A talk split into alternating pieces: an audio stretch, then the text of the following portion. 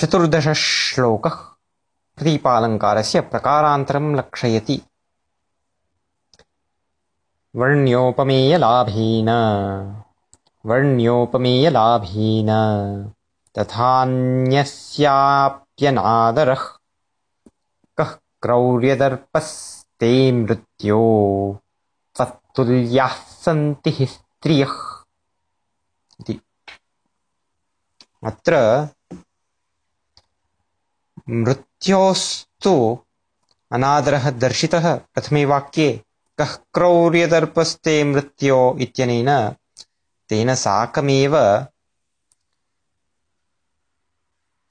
स्त्रीणामपि क्रूरता प्रदर्श्य तस्यापि अनादरः प्रदत्तः प्रकाशितः। अतः अस्मिन्नप्युदाहरणे अनेन लक्षणेन प्रतीपालङ्कारो लक्ष्यते